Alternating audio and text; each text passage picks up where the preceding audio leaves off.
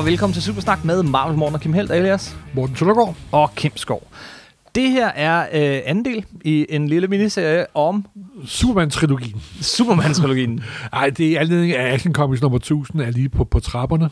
Hvis ikke den allerede er udkommet, når det her afsnit kommer. Men ah, pjat, du producerer så hurtigt, det ved jeg, Kim.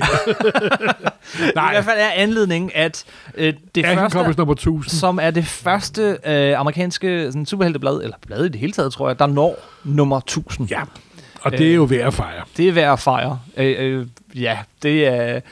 Det, det er anledning, og sidste gang så snakkede vi om hele Superman-figurens begyndelse, om, om de her to unge, meget unge jødiske skabere, øh, Jerry Siegel og Joe Shuster, og, og hele Golden Age Superman. Øh, vi snakkede om, at han, øh, han, han på 0,5, altså i løbet af ganske få år, breder sig til, til, til ud af tegneseriemediet, over til avisstriber, over til radio, over til, til hvad hedder det, serials. Tegnefilm. Og, og serials ja, også, ja, for den sags skyld. Rigtig tegne, tegnefilm er fantastiske tegnefilm, og, og øh, hvad hedder det? En tv-serie, en meget dårlig tv-serie. Meget dårlig serial der. Øh, som dog har noget charme, vil jeg så lige indskyde. Ja. Øhm, men der, hvor vi, øh, vi slap, det var, at Superman-figuren, faktisk hele tegneseriemediet, det var sådan stagneret noget efter 2. verdenskrig. Og, øh, og så kommer der en, øh, eller det, han var der allerede, men der er en redaktør, som ligesom får pustet nyt liv i hele superhelte-genren, derunder også Superman, op igennem øh, i slutningen af 50'erne. Ah, det er jo Jules Schwartz, der starter med at lave showcase nummer 4. Ja, men vi skal starte med, med Mort Weisinger. Ja, men Mort Weisinger, han som er øh, redaktøren af Superman. Ja. Men det var ikke så ham, der startede Silver Age. Jeg tror mere, det var Jules Schwartz, der det, startede op. Fordi der sker det med det, at efter at Flash er blevet introduceret i showcase nummer 4. Altså en helt anden superhelt, som mange også kender. Ja. Det er fordi, at DC gør det, at disse tre superhelte, der er udkommet lige siden de startede tilbage i 30'erne og 40'erne, Batman, Superman og Wonder Woman, de bliver ikke lavet om. Hmm. Men i 50'erne begynder DC at lave nye udgaver af deres gamle helte. Flash bliver til en ny udgave af Flash, Green Lantern. Og øh, det hele, og man kan sige, at de laver sådan science fiction, ja, det hele moderne sådan science fiction udgaver. Lidt mere af, science fiction. Ja. ja. Og hele 50'erne er jo meget præget af science fiction. Men så sker der også det, at øh, Walt Weisner, øh, tv-serien stopper. Mm-hmm. 56-57. Og så er det så, at uh, Walt Weisner, han bliver sådan frigivet for, at han skal begynde at lave en tegneserie, der ligner tv-serien. Ja, eller radioen. Ja. Eller radioen. Og lige pludselig, så er det nærmest om, at han eksploderer i sin vidunderlige kreativitet og gør Superman pumper science fiction idéer og underlige idéer. Og det er sådan, det starter det, man kan kalde Silver Age of Superman. Ja. Yeah. Og det, vi er oppe i 57 på det her tidspunkt. Og øhm, der introducerer han en af de allerførste Silver Age-historier, der introducerer han The Fortress of Solitude. Ja, det har været ensomhedens fort. Det har været omtalt et par gange før, men her får den hele arm med kæmpe nøgler og trofærum, og han begynder også at fokusere meget mere på, hvorfra Superman kommer, hele Krypton-mytologien. Mm-hmm. I hele taget putter han science fiction ind i. Ja, og, han, og han gør også det, at han øh, skaber det, som jeg vil kalde Superman Family. Ja, hele Superman-universet vokser, og... og han, han introducerer en uh, Supergirl. Mm-hmm. Hun dukker op i 59. Og der kommer en hund til. Han har også været der før. Krypto. Kry- krypto.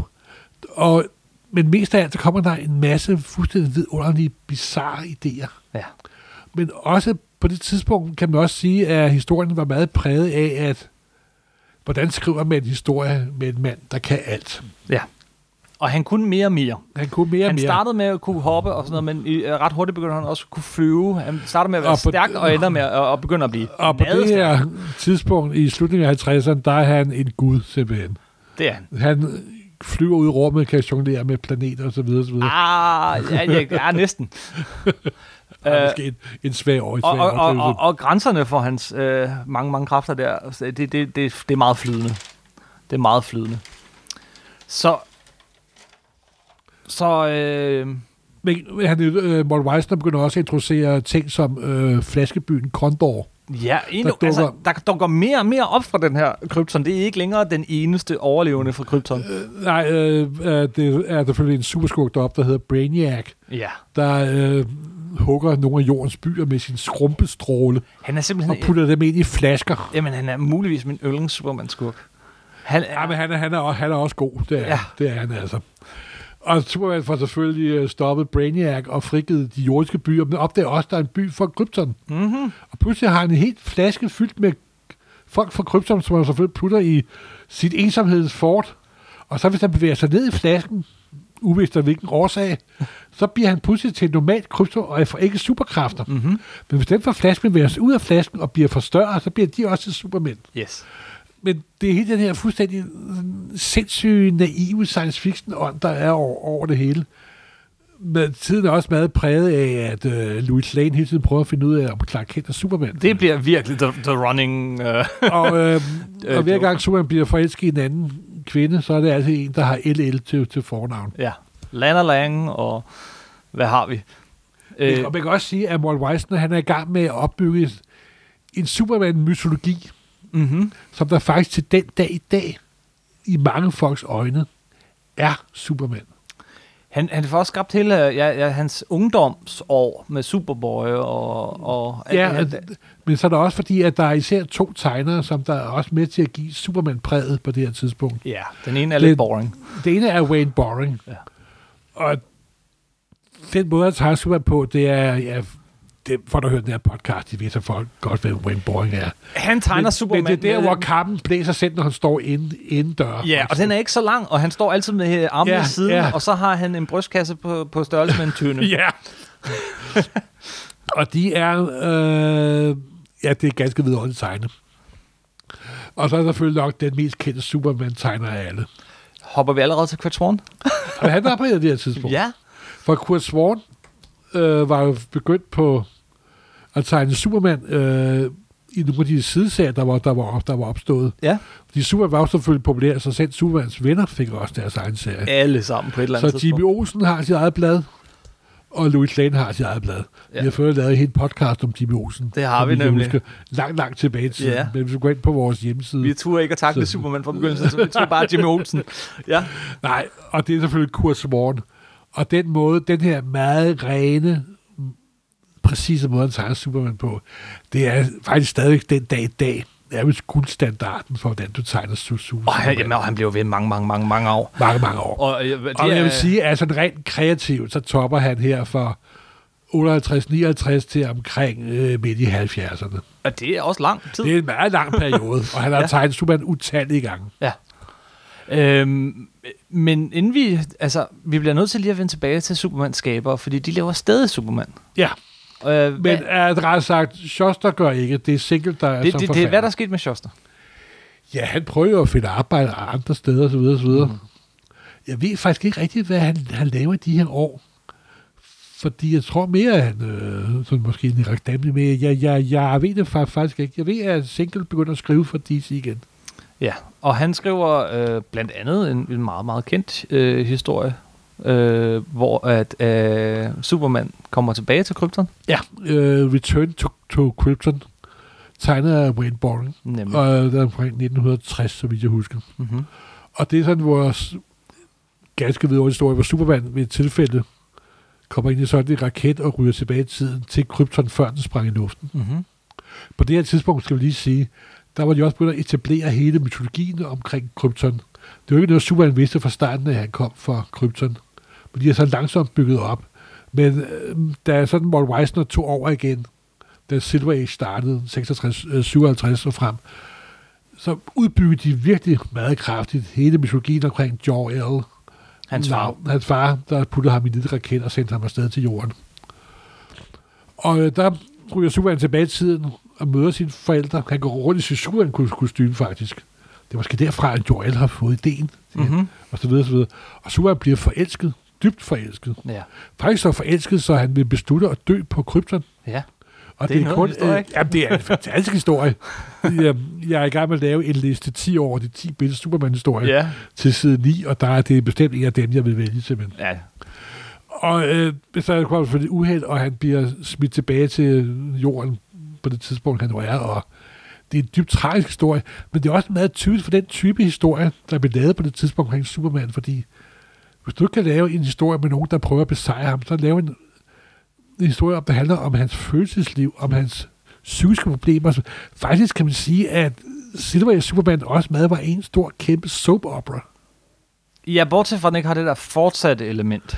Den, Nå, den har ikke nå, det der ja, med, at men- historierne fortsætter. Det er stadig enkelt Nej, øh, men stående alle historier. de type historier, der er, det er sådan nogle meget personlige, mærkelige historier, mange af dem. Ja, meget af det, Det handler om, at, at, han, sådan- at Louis Lane øh, finder en anden, eller han finder en Ja, anden. ja netop, eller, og øh, sådan tab og svigt, og altså, der er jo en guldgruppe for nogen, der ville vil grave dybt. Psykoanalyserer Superman. Simpelthen. Ja. Og der introducerer Walt Weisner også en anden ting, der er en meget øh, vigtig del af Superman-mytologien. Han opfinder det, der hedder The Imaginary Story. Ja. Fordi forfatteren var jo ved at løbe tør for idéer. Ikke? Mm-hmm. Men så nu, hvad nu hvis vi kan lave så, at vi laver en anden historie, hvor vi forestiller os, der skete noget andet, end det, der er sket i virkeligheden. Ja. Og det er jo fuldstændig vidunderligt det. Nu laver vi en fantasihistorie omkring en mand, der er Superman og kan flyve og rejse gennem tiden og så videre. Og, så videre. Og, ja. og det gav nogle af de mest vidunderlige og bizarre historier, som, som jeg først stiftede bekendtskab med op igennem 90'erne, da de kørte bag i Superman-bladet. der var sådan du, en er, periode. du er jo så ung, Ja. simpelthen. Så. Ved du hvad, Morten, så, ga- så gammel er du heller ikke, fordi det her er Ja. før din tid faktisk. Tilbage i 60'erne, der kom de på dansk. Ja, okay. Og jeg husker dem tydeligt, og jeg var meget begejstret for dem. Jeg, jeg læste de her Wayne Boring-tegnede ofte øh, historier. Nej, det var det mest Kurt Swan. Og Kurt Swan. Ja, ja. øh, tegnede øh, fantasihistorier, som kørte bag i, øh, i Superman-bladet op igennem 90'erne. Der var sådan en periode, hvor bladet var på 32 sider. Og den første historie, som var 90'er-historierne, de var ikke særlig gode. Men de her bag, kæft, de var Dem bare... elskede Ove også, kan jeg Ja, love det var dig. derfor, de var der. God det var derfor, Super Det var Ove. derfor, de var der. Øh, men hvor at Superman blev lige pludselig spaltet i en blå og en, og en rød. Og Nej, det var nu ikke en fa- fa- fantasihistorie. var det ikke en fantasihistorie? Jo, det, det var det for Det var det det Jo, det var det for Der var også en af mine favoritter, det er den med, hvad nu hvis Louis Lane var blevet sendt til Krypton, da jorden eksploderede? Ja. Hvad skete der så? Ja, der får hun selvfølgelig superkræfter, Ja. og bliver den første superhelt på Krypton, Ja. og Clark Kent står beund- uh, står Jor-El, altså Kal-El. Som er Det er hans... hans kryp- kryptono- kryptonomiske navn. Ja. Hans, hans kryptiske navn. han, står, han står beundret og kigger på hende. Det er den fantastiske superhelt, simpelthen. Ja. En fuldstændig vidunderlig historie. Der var også, hvad nu hvis, at øhm, Batman troede, at Superman havde slået hans far ihjel, og i hele taget, ja, deres fantaserier, de var ganske vidunderlige, simpelthen. Så det er og hvad en- hvis, at Superman blev gift og får børn, og Det er bare en sådan gren af, af Superman-historie, øh, men en, en, en, en, en vigtig og, og, og stor gren også en tidspunkt. meget vigtig ting, som. Mo- som Walt Weisner også vidste noget af. Han udviklede hele kryptonitbegrebet. Mm-hmm. Kryptonit var blevet introduceret nogle år i, i forvejen. I radioprogrammet, ja. I, ja, for nu at vi må have noget, der kan stoppe den her mand, der kan alt. Ja. Og det var selvfølgelig dele af hans planet, der var blevet radioaktiv og blevet til grøn kryptonit. Det er så senere også udviklet med andre former for kryptonit. Der kom meget berømte rød kry- kry- kryptonit, der forårsagde mærkelige forandringer i Superman. Mm-hmm. Enten mistede han hukommelsen, eller han blev forvandlet til en mystisk væsen, eller han skulle sige sandheden i 24 timer, eller et eller andet. Virkningen var altid kun 24 timer. Ja. Selvfølgelig enkelte tilfælde, hvor det var permanent, men det er noget, noget helt andet. Så var der guldkryptonit, og det er det allerfarligste, hvis du kommer fra krypton. Ja. Det fjerner dine superkræfter for evigt. Oha. Det er ikke rart. Der er to andre former for kryptonit. Den blå og den grønne, og den hvide. Den hvide kryptonit, hvad ja. Ja. nu den gør, den er... Nu med... Det, Ja. kan, det kan jeg virkelig ikke huske. Det er den, der forårsager alt plantevækst stopper. Ah ja. Men den blå kryptonit, den har en helt speciel historie. Aha. Fordi det er også en af de vidunderlige, mærkelige skæbninger, som der dukkede op på det her tidspunkt. Han dukkede dog første gang op i en Superboy-historie. Mm-hmm. Og det er Bizarro Superman. Yes. Og det var en videnskabsmand, der opdagede en stråle, der kom til at rette mod Superboy. Pludselig kommer der en forvrænget udgave af Superboy, der er modsat af alt, hvad Superboy gør. Alt er modsat. og det, Det er så dumt, og det er det, så og det er herligt. så fuldstændig herligt. Og senere stak den her Bizarro Superman af og startede sin helt egen civilisation Ja. I en firkantet planet. ja. Fordi de er jo modsat af alt. så, Og, det er de, og alle folk, der over loven, de bliver arresteret, forbrydere bliver løsladt, og det er sådan en fuldstændig sindssyg øh, nærmest Holbergske vende det hele på hovedet, simpelthen. Og det er også en af de der fuldstændig sindssyge begreber, der opstod. Superman blev for også forelsket i en havfru på et tids- tidspunkt. Fra Danmark? Øh, nej, dog, dog, ikke, dog ikke. Øh, For Atlantis Fra selvfølgelig. Atlantis. Det var, senere var det andet medlem af Atlantis, der blev lavet et barn sammen med en dansk servitrice. Jaha. Og der blev der Little Mermaid skabt. Ja, okay. Åse Påske. Yes. Men det er oppe i, i 70'erne. Det er noget det andet. så sent? Ja, det er Nå. så sent. The Global Guardians var Den med første af. rigtige amerikanske danske superhelt. Simpelthen. Men- Walt Weisner introducerede også superdyr. Ja. Vi, vi nævnte jo før Krypto, Krypton. og, og sådan. Men der er også... Øh, Supergirl fik også sit eget kæle superdyr. Hun fik en hest. Komet. Der var en kentaur, der var blevet til en hest, og Don't Ask, hun fik også en kat. Ja. Streaky. Streak. Var der ikke også en abe? Jo, Be- Bebo. Bebo, ja. Ja. Og de danner selvfølgelig en gruppe, Mm-hmm. sammen med Protoplasma-klumpen for Legion of Superheroes, Legion of Super Pets. Yes. Hvis man kan kalde de her historier for fjollede, så er det nok ikke helt forkert. Nej, men du sidder med et kæmpe smil. Ved du hvad? Det er simpelthen... De, de, de er ikke særlig læsværdige i dag, men de er så vidunderlige og så nostalgiske, så jeg, som sagt, jeg elsker dem overalt på jorden. Ja. Og de kom jo som der omkring fra 57 og så op gennem 60'erne. Og sådan, hvis man ser sådan et overordnet perspektiv, der er måske også en grund til, at Marvel blev så populær. det, det, det, det, Fordi det hvis- kan godt være. Hvis fordi- du er sådan en 12-13-årig dreng, der læser tegneserie, er det så lige pludselig så... Øh, det var måske ikke det mest cool det. Men der var nogle andre superhelte op, hvor de faktisk er lidt tættere på din hverdag. Hulk, Spider-Man, Fantastic Four osv. Så, videre. så det var også en af grundene til, at 60'erne forandrede tegneserien for, for evigt simpelthen. Ja, fordi Superman og de andre superhelte på det her tidspunkt fra DC Comics, de er fulde af fantasi og sjove og sådan noget, men, men, men også lidt barnlige. De er og, de er, til børn. og de er jo alle sammen skrevet af midalderne hvide mænd Til børn. til børn. Ja. Og det giver altså de mest... Batman havde nu også sin egen fjollet periode. Ja. Men det var ikke så gennemført som Walt Weisers Superman Family. Nej. Og de var alle sammen, mange af dem var tegnet af Kurt Kurzwort, og det er simpelthen den dag i dag så utrolig lækker tegnet simpelthen. Yes. Så jeg har en meget stor plads i min nostalgiske hjerte til DC Silver Age i, i 60'erne. Ja. Det må jeg jo sige. Og jeg er vokset op med dem. Jeg læste, de kom på dansk der i, der i 60'erne. Så det var jo en, ja, det var fa- fa- fantastisk. Så får vi overstået 60'erne. Og selvfølgelig stagnerede Superman sådan rent kreativt, og det er jo ikke... Men som sagt, jeg er meget nostalgisk. I øh, omkring 1970, så stopper Walt Weisner på DC, Mm-hmm. og på det tidspunkt var han faktisk kun 55 år. Så jeg tror faktisk, at han enten begået eller fyret. For der er jo det faktum, at hvis du spørger folk inden for branchen, for eksempel Roy Thomas, der kom til øh, New York i 60'erne og fik 10 dages arbejde på DC, før han gik over til Marvel. Walt Weister var ikke noget særligt behageligt menneske. Mm-hmm. Faktisk, mange af dem, der optager ham, de synes, han var rigtig dumt svin, faktisk. Han fyrede for eksempel Wayne Boring fra den ene dag, dag til, Ja, til den anden. efter- Og det, efter at Wayne Boring havde været på Superman siden 1940 eller 41. Wayne Boring startede som øh, tegner på avisserien. Så det lyder ikke særlig rart, faktisk. Øh, der var også nogle andre tegnere, Al Plastio, som der også arbejdede på Superman. Og så også en, en øh, Julie Schwaffenberg, Slaffenbach, Slaffenberg, På Louis Lane. der er tiltegnet Louis Lane. Og han har en helt speciel, fuldstændig unik streg. Aha. Og han tegner Louis Lane hele livet, og meget naivt og meget ordentligt, og meget, meget rent og klart. Aha.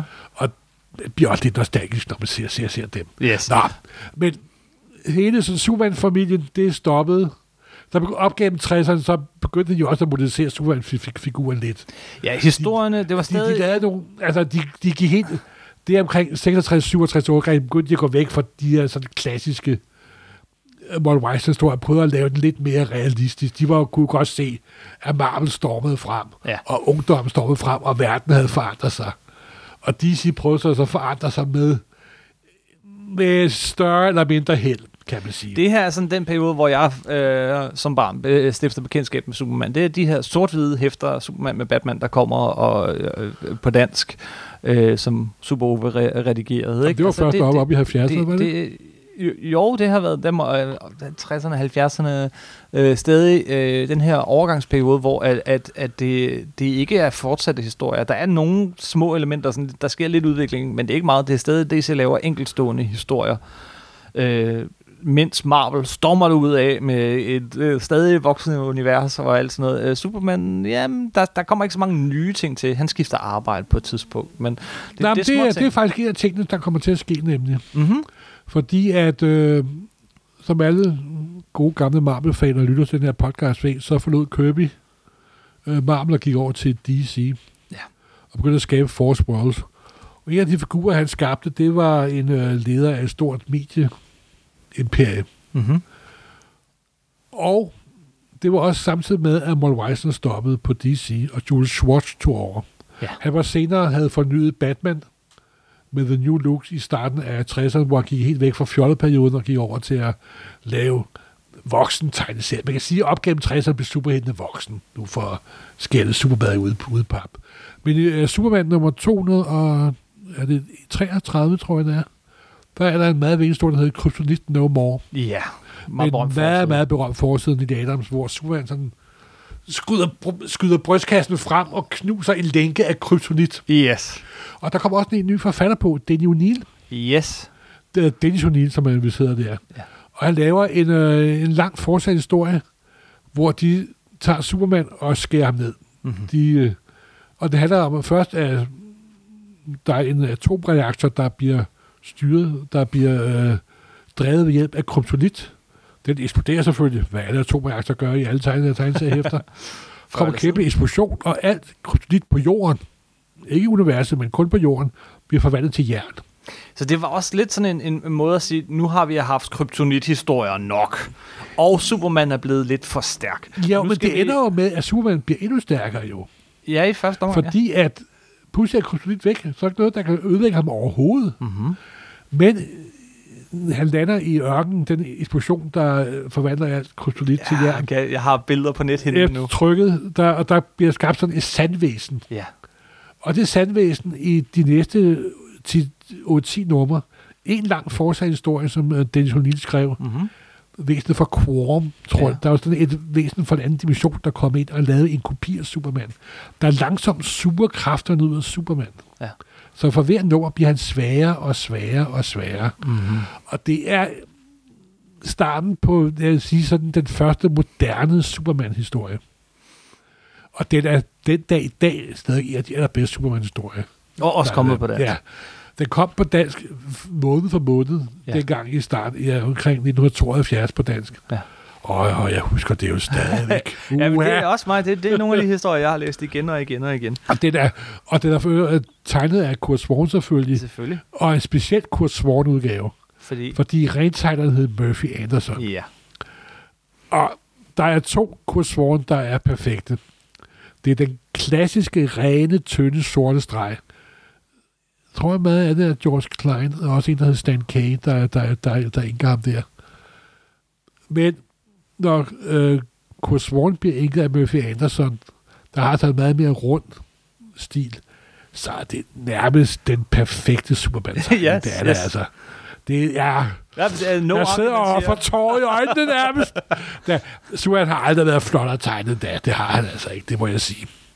Og den historie med Dennis O'Neill, den introducerede Kirby's Fourth World.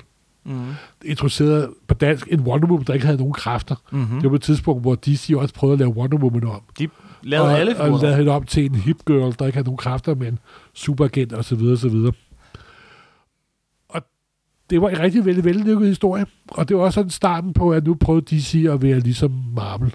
Der kommer også Green Lantern og Green Arrow og Neil Adams og alt muligt andet. Det er sådan mellemperioden, kan man sige her, ikke? Jo, altså Su- Superman bliver også voksen, kan man sige. Og, og, øh, og, og, og Superman-familierne Bliver reduceret. Det, ja. Men så sker der jo det, som der tit sker med Superman, det er, at det er som, den lidt falder tilbage igen på Ja. de dårlige vaner. De, de prøver, men ligesom de man prøver tilbage. at holde op med at spise for meget, eller lade være med at ryge, eller andre dårligdomme, man lider af. Men ja, så stiger så sgu lidt ind ad bagdøren alligevel. Og det der Mort Weissner, gamle klassisk univers, det var alligevel så stærkt, så det sivede stadigvæk ind. Og øh, så op gennem 70'erne, nu går vi forvis hurtigt frem her, så sker der også en anden ting med Superman. Mhm. Mm. Det der kommer en stor Superman-film. Det er rigtigt. Men ved du hvad?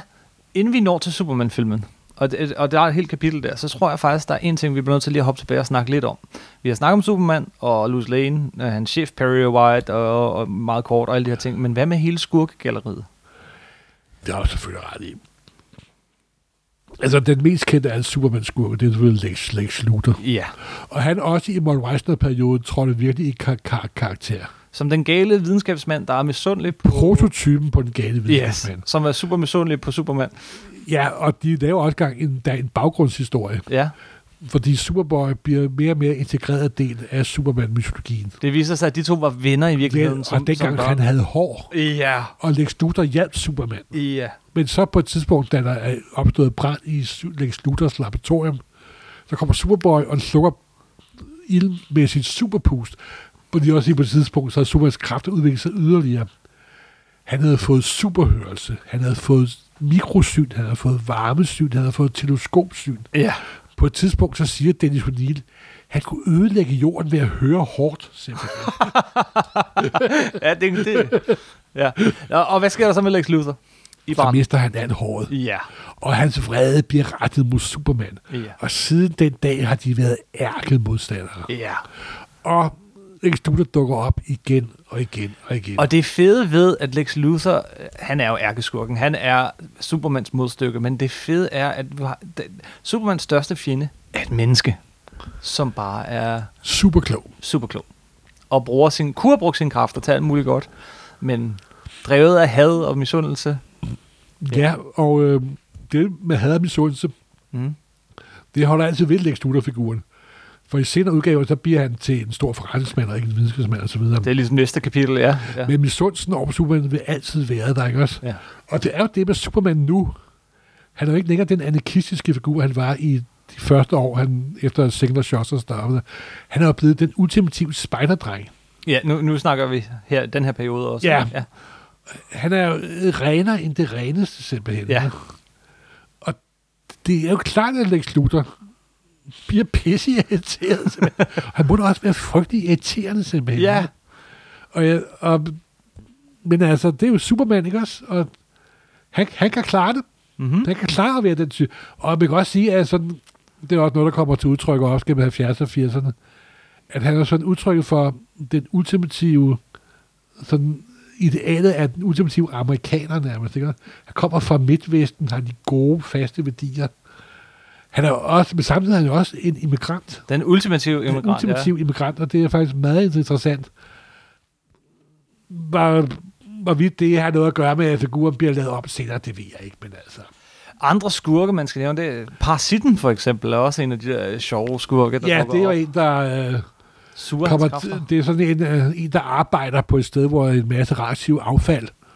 Sådan, og selvfølgelig, når man er en lønslave, der bliver underbetalt, så skal man ikke lade være med at åbne og kigge på det radioaktive affald, og bliver så parasitten, der suger kræfter ud, ud af Mhm. ham simpelthen.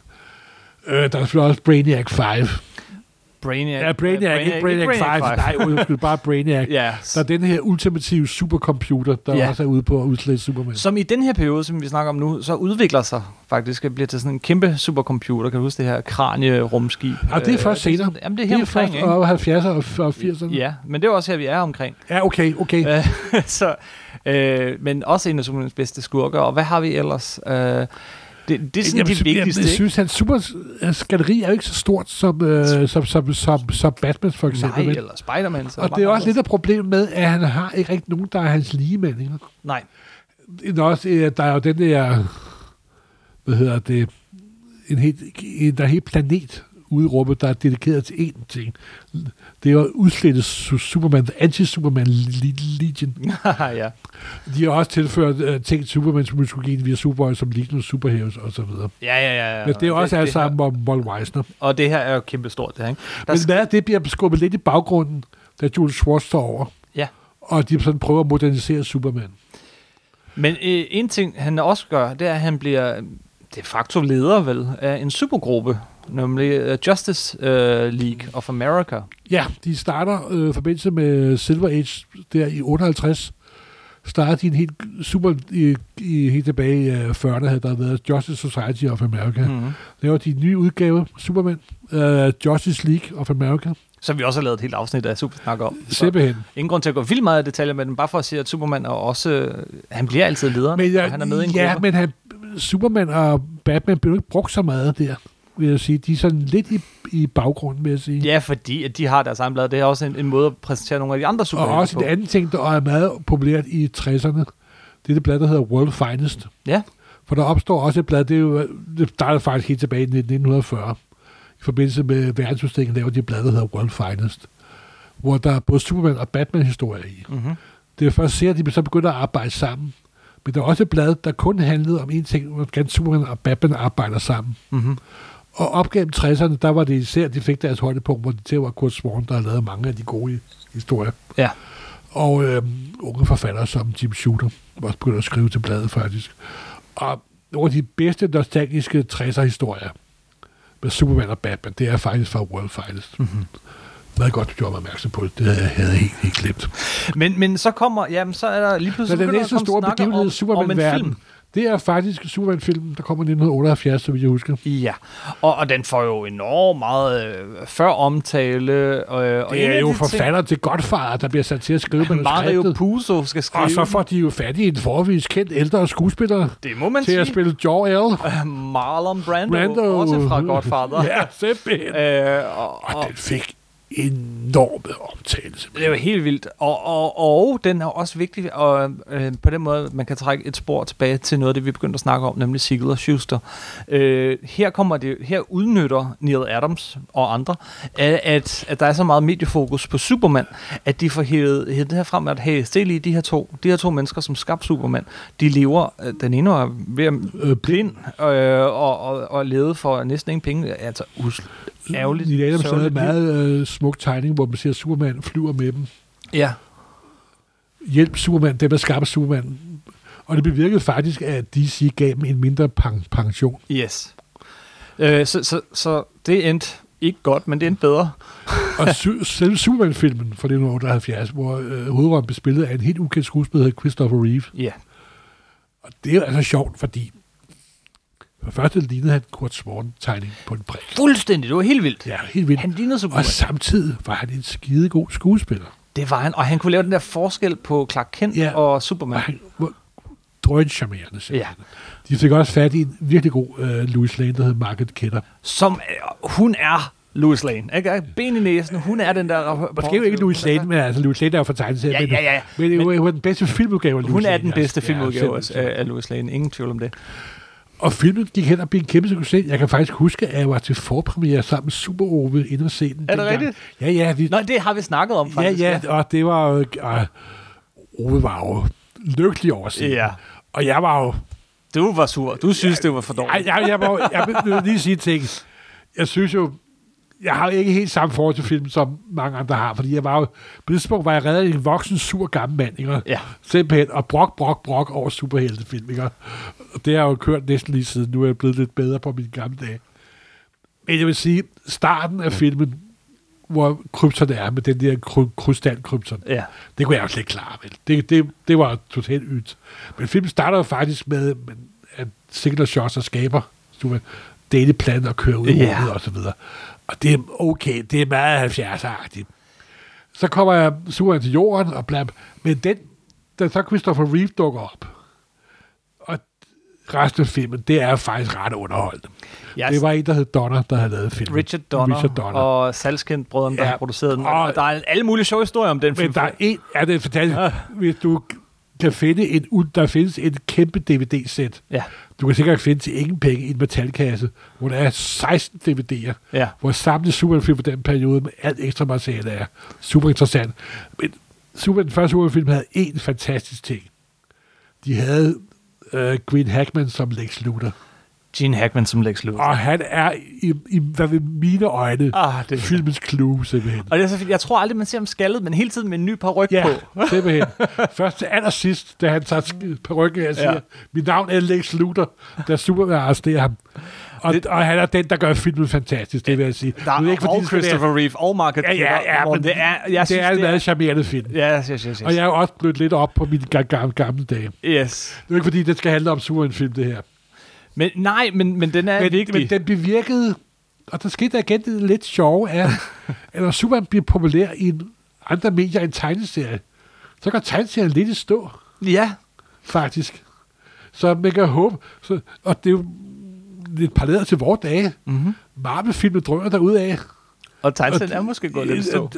Marvel-universet kæmper lidt for øjeblikket. Ja. Dermed går DC-universet skide godt på tegneserien, men filmen er helvede til. Det kan godt Så være, du har ret i der er den, et øh, samlet opspil mellem de to Ja. ting. Det er faktisk meget, meget sjovt at tænke på.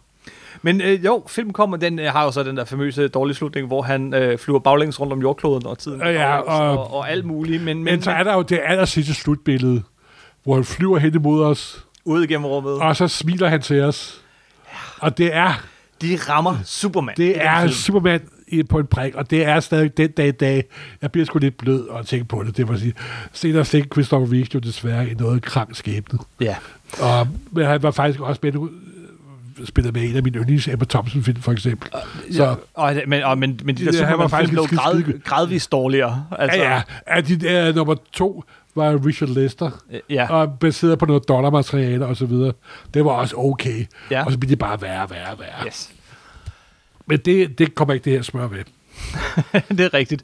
Men, men, men det der med, at figuren stav, stagnerer, det synes jeg er helt rigtigt. Vi skal også huske igen her, det er her, Marvel, Marvel er her stadig, nu er vi oppe i 70'erne, Marvel er måske ikke på sit højdepunkt, men, men, men Superman-figuren har bare ikke, ikke på samme måde som, som Batman i hvert fald, rykket sig med tiden.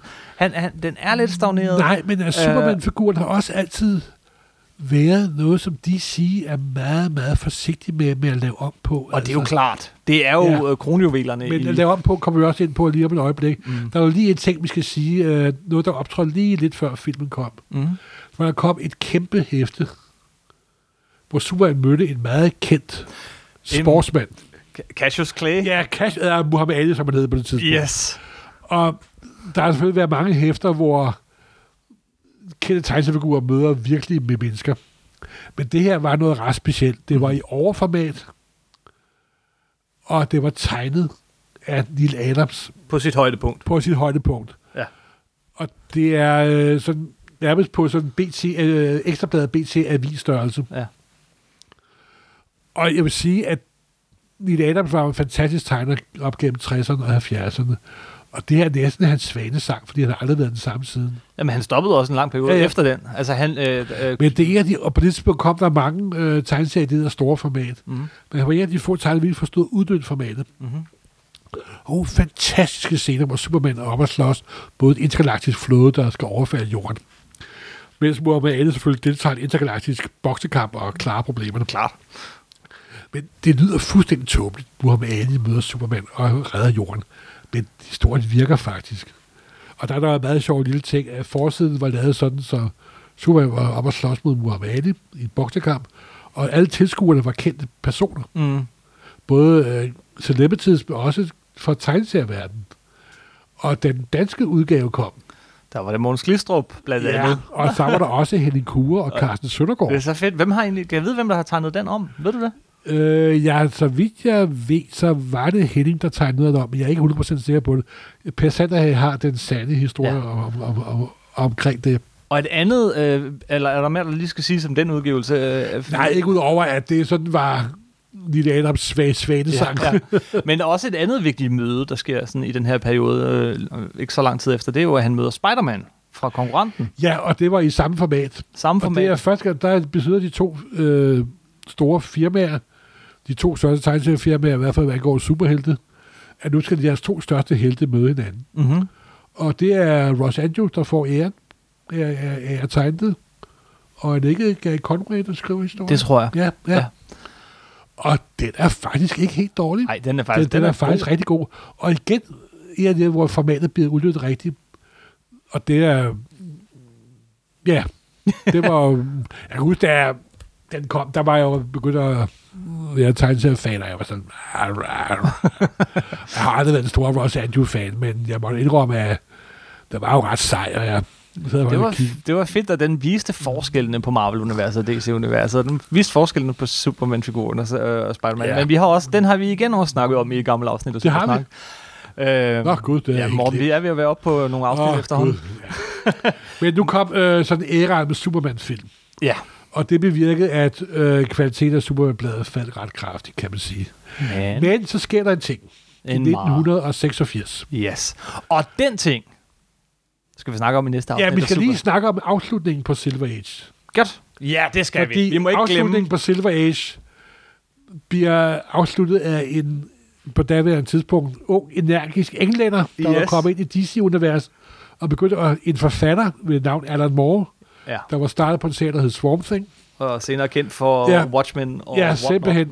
Og han skrev to Superman-historier. Eller en, en todelt Superman-historie. Nej, han skrev Nå, han to- skrev to, to Superman-historier. Det har du ret i. En med Den Dave første Gibbons. handlede faktisk der, hvor øh, optakten til Watchmen, kan man sige. Ja, Det var første gang, jeg arbejdede sammen med Dave Gibbons, som man selvfølgelig lavede Watchmen senere. ja. hvor, Superman, hvor øh, Wonder Woman og Batman besøger Superman på hans slot, sammen med Robin, og, og det er Supermans fødselsdag, Mm-hmm. og han får en gave. Mm-hmm. Og det er selvfølgelig en gave, der gør som en hypnotisk blomst, der sidder sig fast på Superman.